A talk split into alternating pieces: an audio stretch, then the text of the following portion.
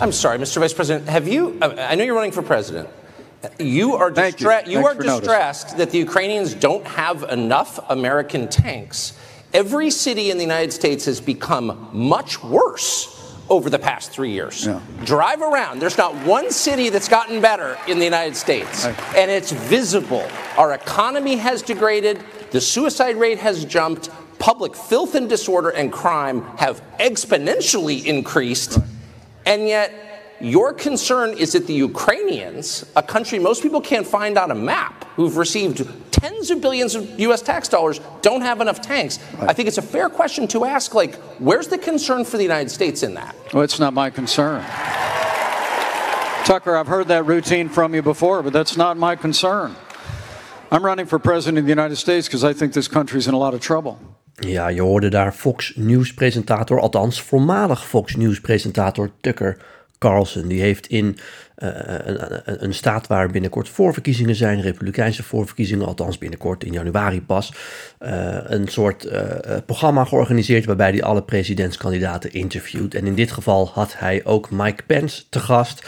En dat ging niet helemaal lekker voor de voormalige president. Hij werd uitgefloten en zoals je net hoorde door Tucker Carlson ook keihard aangepakt. En dat is helaas voor Mike Pence geen uitzondering. Zijn campagne heeft een moeilijke start. En ik denk ook dat het tijd is voor hem om een functie elders te zoeken.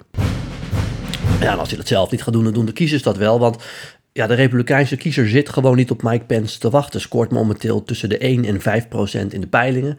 Nou, uh, Trump scoort tussen de 50 en 60 procent en uh, Ron DeSantis scoort een procent of 20. Maar los daarvan, uh, kijk, je zag, je hoorde in dit fragment dat Pence eigenlijk werd aangepakt op een onderwerp als Oekraïne, waarvan Tucker Carlson en ook heel veel andere rechtse republikeinen zeggen van ja, wat hebben we daar te zoeken? Waarom investeert Amerika zoveel in bijvoorbeeld het voorzien van Oekraïne van wapens? Hè? Waarom doet Europa dat zelf niet? terwijl hier al onze eh, steden uh, langzaam maar zeker afbrokkelen. En, dat, en, en vol zitten met allerlei zombies die zwaar verslaafd zijn. Hè? Het is tijd om aan nation building te doen, maar dan niet in Oekraïne of in het verleden in Afghanistan, maar right here at home. Nou, het zijn natuurlijk Trump-teksten. America first verplaatsen Amerika op één. We weten dat Tucker Carlson ook op die manier in de wedstrijd zit. En we weten, zeker als je af en toe naar deze podcast luistert, dat de Republikeinse Partij gewoon grotendeels zo in de wedstrijd zit. De Republikeinse Partij is nu de Trump-partij. Nou, dat heb ik natuurlijk al heel vaak eh, uitgelegd waarom ik denk dat dat zo is. En je ziet daarom ook dat er in deze campagne, dat wisten we vooraf al, uh, maar hij wilde toch een poging wagen. En nu blijkt ook dat er in deze campagne geen ruimte is voor iemand als Mike Pence. 80% van de Republikeinse Partij is dus die Trump-partij en die zijn op zoek naar iemand als Trump. Dus die willen gewoon eigenlijk weer door met Trump, want dat blijkt ook uit de peilingen. Maar als je al zegt, nou ik sta open voor iemand die anders dan Trump is, dan ben je bijvoorbeeld geïnteresseerd in iemand als Ron DeSantis die zegt, ik ben net als Trump, alleen veel effectiever. Hè? Eh, ik heb het in een eerdere podcast gehad over wat Ron DeSantis chirurgische precisie noemt. Hij zegt, ja, ik uh, sta ook voor alles waar Trump voor staat, alleen ik voer het uit. En Trump is gewoon lui en die ligt tot uh, een uurtje of tien tv te kijken en te twitteren. Ik werk hard en ik bereik dingen. Ja, of iemand als uh, Nikki Haley, die zegt ja, ik ben Trump op hakken bijvoorbeeld. Uh, dat zijn allemaal alternatieven voor Trump. Uh, als je het Trumpisme aanhangt, maar misschien Trump zelf een te groot risico bijvoorbeeld vindt. Het blijkt uit de peilingen dat weinig mensen naar zoiets op zoek zijn momenteel. Behalve dan de mensen die op Ron DeSantis uh, stemmen.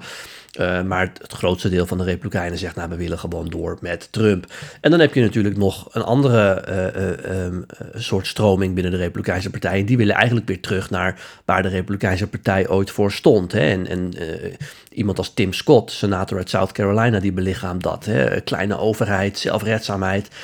die vertelt heel erg het verhaal, nou, bijvoorbeeld wat George W. Bush en Ronald Reagan vroeger ook vertelden. En daarin kun je ook wel Chris Christie scharen, die tegelijkertijd, omdat hij dus een andere stroming vertegenwoordigt, ook keihard de aanval opent richting Trump. Uh, en die twee stromingen zijn er eigenlijk. En Mike Pence past in geen van beide stromingen. Uh, dat is ook logisch, want hij heeft natuurlijk vier jaar lang ontzettend loyaal als een soort stroommannetje het beleid van Trump verdedigd. Waarom is Mike Pence ooit running mate geworden van Trump? Trump wilde hem aanvankelijk helemaal niet, maar hij is daardoor de Republikeinse partij top neergezet. Omdat Trump toch natuurlijk een beetje een vreemde eend in de bijt was uh, destijds. En hij is een traditionele, conservatieve, evangelische republikein. En hij kon mooi uh, de schakel vormen tussen Trump die natuurlijk een nieuwkomer was, en de traditionele uh, Republikeinse partij op, die uit die traditionele conservatieven bestaat. En dat heeft Mike Pence vier jaar lang loyaal gedaan, kan niet anders zeggen. Behalve natuurlijk in die nadagen van Trumps uh, presidentschap, uh, toen op 6 januari. Hij weigerde om de verkiezingsuitslag terug te sturen naar de Staten. Nou, en we weten allemaal wat er toen gebeurd is. Er liepen allemaal mensen uh, uh, buiten rond, republikeinen, die allemaal riepen: hang Mike Pence. Hè. Mike Pence moest opgehangen worden. Nou, Trump heeft daar later ook van gezegd: ja, logisch, hij wilde die verkiezingen niet uh, nietig verklaren. Dus ja, dan snap ik dat die mensen dat zeggen. Dus die relatie tussen hun is volledig bekoeld. Maar als je nu naar iemand op zoek bent die uh, ja, het Trumpisme aanhangt en, en Trump trouw is gebleven, dan ja, eh, het is heel sneu om het uh, uh, heel sneu voor Mike Pence dat het zo gelopen is. Maar ondanks zijn vier jaar trouwe dienst valt hij niet in die categorie, want hij heeft Trump afgevallen op misschien wel het belangrijkste moment van Trump na die verloren presidentsverkiezingen, namelijk 6 januari. En dat neemt Trump hem kwalijk, maar dat neemt de achterban van Trump hem ook kwalijk. Het is niet voor niets dat in heel veel town hall meetings, hè, van die huiskamerbijeenkomsten of bijeenkomsten in gymzalen in New Hampshire en Iowa, een van de meest gestelde vragen van Republikeinse kiezers aan Mike Pence is: waarom heeft u op 6 januari niet uw plicht gedaan? Nou, in Nederland en natuurlijk ook uh, in de Democratische Partij wordt Mike Pence als een held gezien, omdat hij op 6 januari de grondwet trouw bleef en niet Trump probeerde te helpen. Maar in de Republikeinse Partij ligt dat anders. Dus nogmaals, wil je Trump of iemand als Trump, ja, dan valt Mike Pence af. En als je dan van een andere uh, republikeinse stroming bent, namelijk de stroming die niks met Trump heeft gehad en Trump ook zo snel mogelijk nu uh, het liefst wil lozen, ja, ook dan is Mike Pence jouw kandidaat niet, want die andere vier jaar is hij natuurlijk wel loyaal geweest aan Trump en het Trumpisme. Dus ja, er is gewoon voor hem geen plek in deze campagne. Dat zie je nu ook. Je ziet het ook aan hoeveel geld hij heeft opgehaald. Slechts 1,5 miljoen tot nu toe. Dat is echt peanuts, helemaal niks. Andere kandidaten halen tientallen miljoenen dollars op. En uh, dat betekent waarschijnlijk ook, of misschien ook, dat Mike Pence er in augustus niet bij is als de Republikeinse kandidaten voor het eerst met elkaar in debat gaan. Want uh, een van de dingen waar de Republikeinse Partij voor wil zorgen, is dat het niet te druk wordt op het podium. Dus ze hebben gezegd, je moet minstens zoveel geld ophalen. En een van de, een van de uh, manieren waarop je kunt kwalificeren voor dat debat is bijvoorbeeld als je meer dan 40.000 verschillende donateurs hebt. En daar komt Mike Pence momenteel zeker niet aan. Dus die campagne gaat gewoon helemaal niet goed.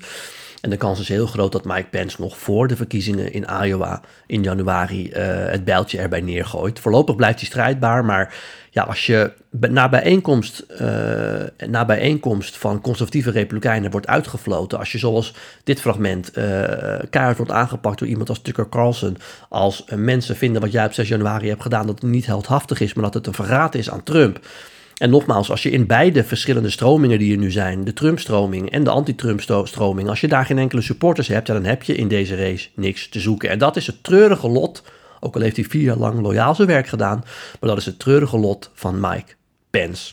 Goed, dan door naar jullie vragen. Die hebben jullie allemaal weer massaal ingestuurd. Ik ga even de uh, vragen pakken die ik nog had liggen en dan als je nou denkt, mijn vraag zit er niet tussen, dan komt hij in een volgende podcast langs. Allereerst even uh, uh, een vraag die ik van meerdere mensen heb gehad. Hoe staat het nu met die serie met jou en Johan in Amerika? Ja, daar is nog steeds geen duidelijkheid over. Ik heb gezegd, ik kom terug als er iets te melden valt. En voorlopig valt er niks te melden. Wij zijn in gesprek met Talpa daarover. En de producent natuurlijk.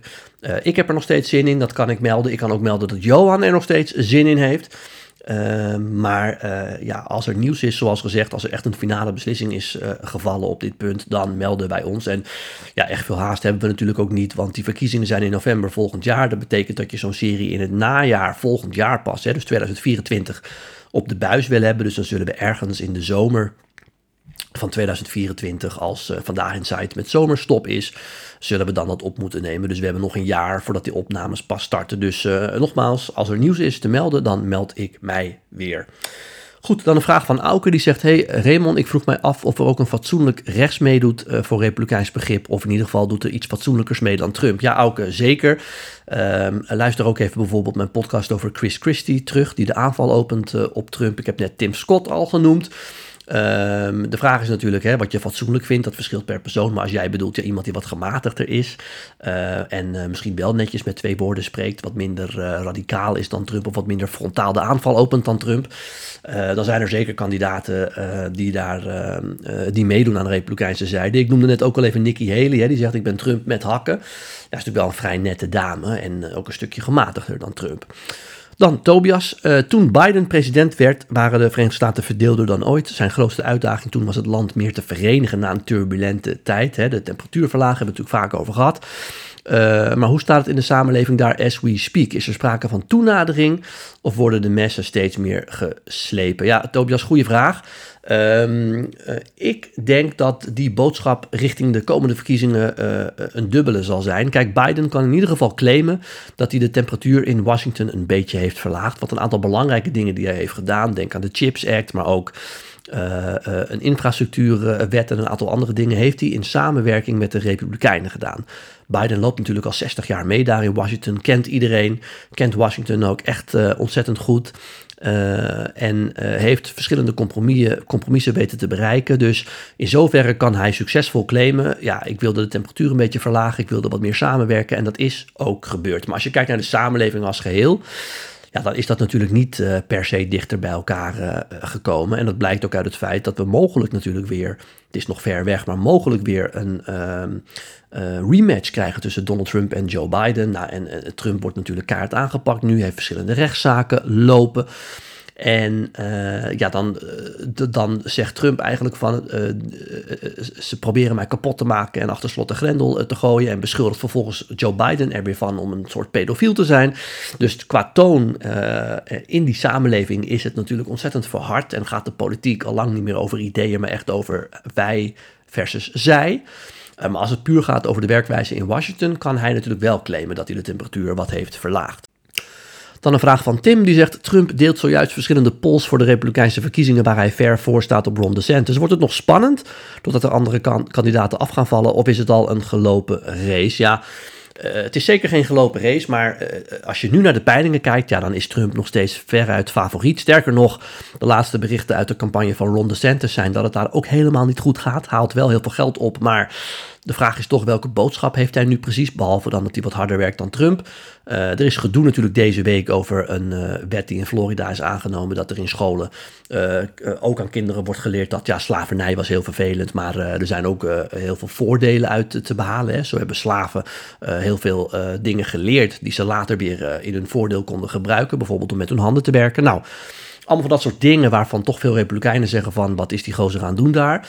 Uh, daarvan heeft Ron DeSantis weer gezegd, ja, ik heb er eigenlijk niks mee te maken. Nou ja, het, is een beetje een, een, een, campagne die maar stroef op gang komt, wil ik maar zeggen. Dus nu is het niet spannend. Trump is by far opnieuw de favoriet. En al die andere kandidaten, uh, Ron DeSantis scoort dan nog rond de 20% en is dalende, moet ik erbij zeggen. Maar alle andere kandidaten, Mike Pence, Chris Christie, Tim Scott, Nikki Haley, komen zelden boven de 2, 3, 4% uit in de peilingen. Dus voorlopig is het niet spannend, maar het kan nog wel heel spannend worden, omdat we pas in juli zitten. En zoals gezegd, de eerste voorverkiezingen zijn in januari en eh, februari. En jij stelt ook direct de vraag van, hè, gaan er nog republikeinen afvallen? Ik denk dat uiteindelijk de vraag zal zijn rond de kerstdagen, rond januari. Uh, hoe is de second man standing? Met andere woorden, Trump zal het heel goed doen, maar wie scoort er ook nog goed? En dan zal de druk op alle andere kandidaten die minder scoren, die niet goed scoren, toenemen om het bijltje erbij neer te gooien en ermee te stoppen. En alle ballen te, in te zetten op één kandidaat die Trump zal moeten onttronen. Dat lijkt nu Ron DeSantis te zijn, maar wil helemaal niet zeggen dat dat straks ook echt zo is. Um, uh, dus ja, als je nu je geld op moet zetten, dan lijkt Trump opnieuw de Republikeinse nominatie te gaan winnen. Maar um, zoals heel veel andere kandidaten altijd zeggen, en daar hebben ze ook gelijk in. In uh, deze periode, in 2015, stond Trump ook nog maar op een paar procent in de peilingen. 4, 5, 6, 7 procent. En uiteindelijk won hij. Uh, als je uh, naar 2007 ging, uh, stond Barack Obama ook normaal op iets van 10, 20 procent. En stond Hillary Clinton op 60 procent. En we weten allemaal hoe die twee wedstrijden zijn afgelopen. Dus het is nog te vroeg om echt definitieve conclusies eraan te verbinden. Maar dat er nog geen enkele republikein is opgestaan die het Trump nu moeilijk maakt. Ja, dat is een ding wat zeker is. Goed, tot zover weer. Dank voor al jullie vragen. Blijf die opsturen. Kan via Instagram, LinkedIn en Twitter. Dat heet geloof ik X tegenwoordig. En dan beantwoord ik die, die zo snel mogelijk in een nieuwe podcast. Tot zover, tot dan.